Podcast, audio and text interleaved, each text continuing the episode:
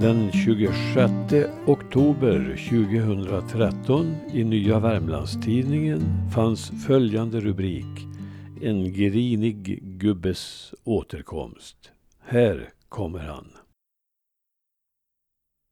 Det börjar närma sig ett år sedan jag släppte lös min inneboende grinige gubbe i full och offentlig frihet.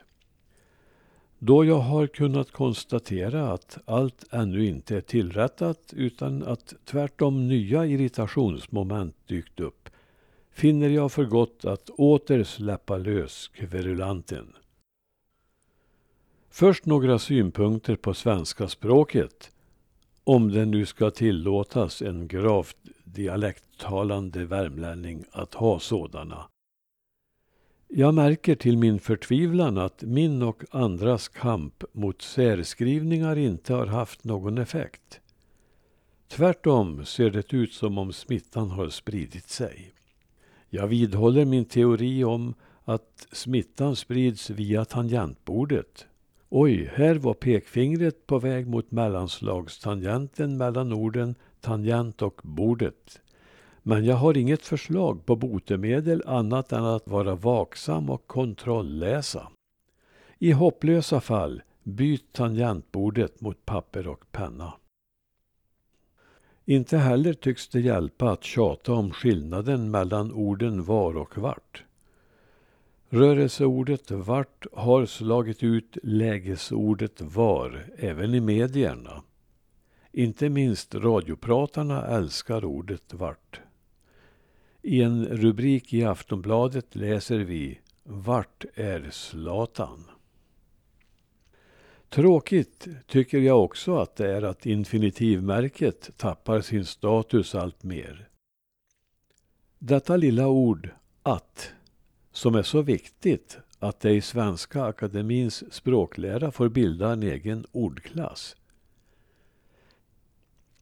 Numera är det inte många som kommer att göra något utan man kommer göra något. Utan att. Tidsmässig vinst en halv sekund. Däremot gläder det mig mitt i all grinighet att det könsneutrala ordet HEN inte fått genomslag. Vidare finns det anledning att reagera på den nedvärdering som drabbat ordet lagom. Detta ord, som ju i grunden är positivt, har blivit förtalat. Man pratar till exempel nedsättande om Sverige som landet lagom. Vadå? Är det inte bra att något är lagom? Tänk er följande situation. Ni provar ett par byxor och expediten ropar in i hytten. Passar byxorna? Ja, de är alldeles lagom, så de kan jag ju inte ta. Eller på restaurangen. Vad tycker min herre om biffen? Var den lagom kryddad? Ja, verkligen. Oj då, jag beklagar. Man talar också förklenande om vårt land som mellanmjölkens land. Men vad är det då för fel på mellanmjölk? Att den är alldeles för lagom, kanske. I ett anfall av nostalgi gick jag in på TVs Öppet arkiv och ganska snart slog det mig hur TVs språk har förändrats sedan Hylands hörna. Där användes en vårdad vänlig samtalston av såväl Hyland som de intervjuade. Ingen skulle ha drömt om att blanda in kraftuttryck. Hyland själv drar sig till och med för att använda tilltalsordet du, åtminstone till äldre damer. Jämför man med nutida samtal i tv märker man att tiden har rusat fram. Samtalen är ogenerat och ibland omotiverat kryddade med svordomar. Sedan finns det ju artister och programledare som tycks sätta en ära i att använda ett vulgärt språk i tron att detta är roligt.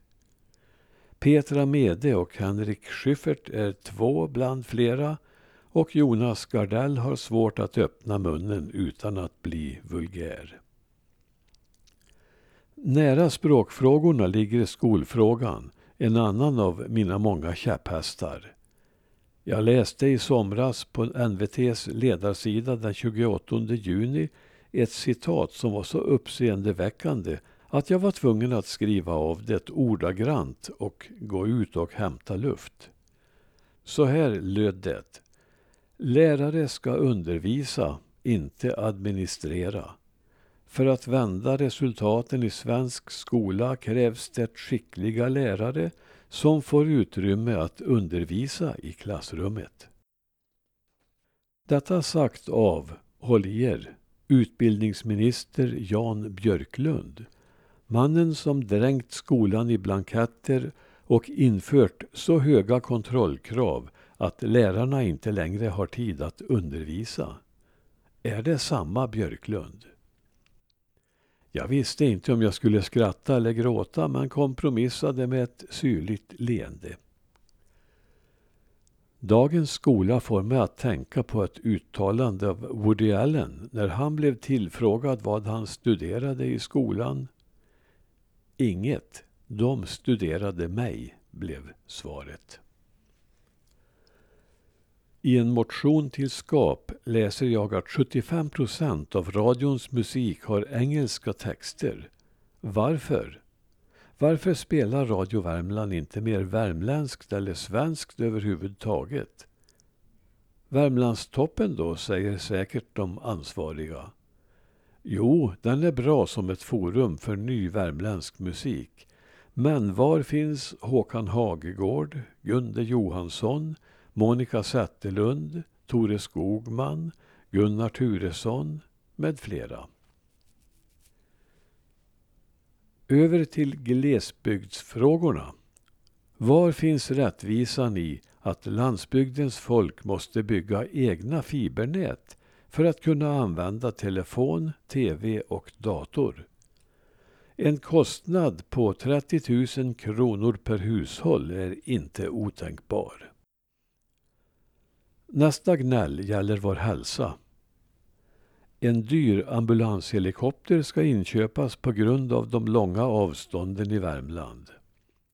Man väntar sig förstås att den ska vara stationerad just där de långa avstånden finns. Gärna mitt i länet, i Torsby, som också har sjukhus. Men icke.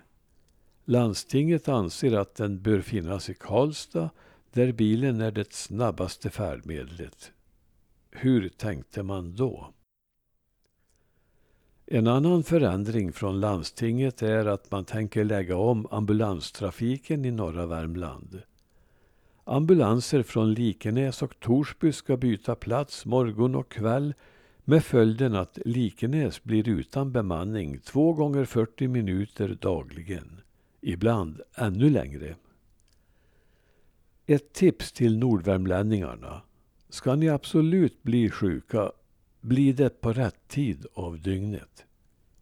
Om nu inte Annette och Anna-Greta med flera lyckas tala landstingsledningen till rätta.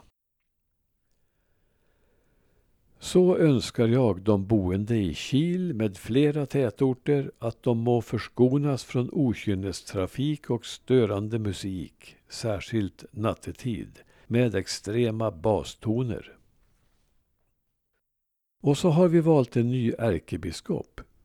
Trevligt nog en kvinna, tolerant och politiskt korrekt så till den grad att jag ett tag trodde att det var Hasse Alfredsons pastor Jansson som vaknat till liv. Att ordet kristen hör ihop med namnet Kristus har hon möjligen missat. Men det lärde jag mig redan i söndagsskolan. Ingen kommer till Fadern utom genom mig, sa Jesus. Men tycker man att det är lika okej okay med Mohammed, vilket man får tycka om man vill, då ska man kanske inte leda just den kristna kyrkan. Skalar man sedan bort undren har man lyckats göra vin till vatten. Frågan är om kyrkan då längre har någon funktion, annat än som vindflöjel. Till sist, varför är växtligheten så ojämnt fördelad i Klarälvdalen?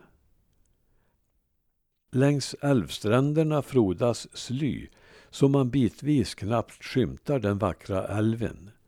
Men tack och lov har några projekt öppnat en del gluggar. Måtte de fortsätta. Medan inget, inte ens gräset, vill växa på norra delen av Dalby kyrkogård. De sytrådssmala dvärgbjörkarna man planterade där för några år sedan växer ungefär med en halv centimeter per år och kan möjligen glädja våra barnbarnsbarn en gång i framtiden om de får ett långt liv. Sorgligt. Kan man få begära en buske? Färdignällt. Tillägg några år efteråt är att nu har norra delen på Dalby kyrkogård repat sig ganska bra.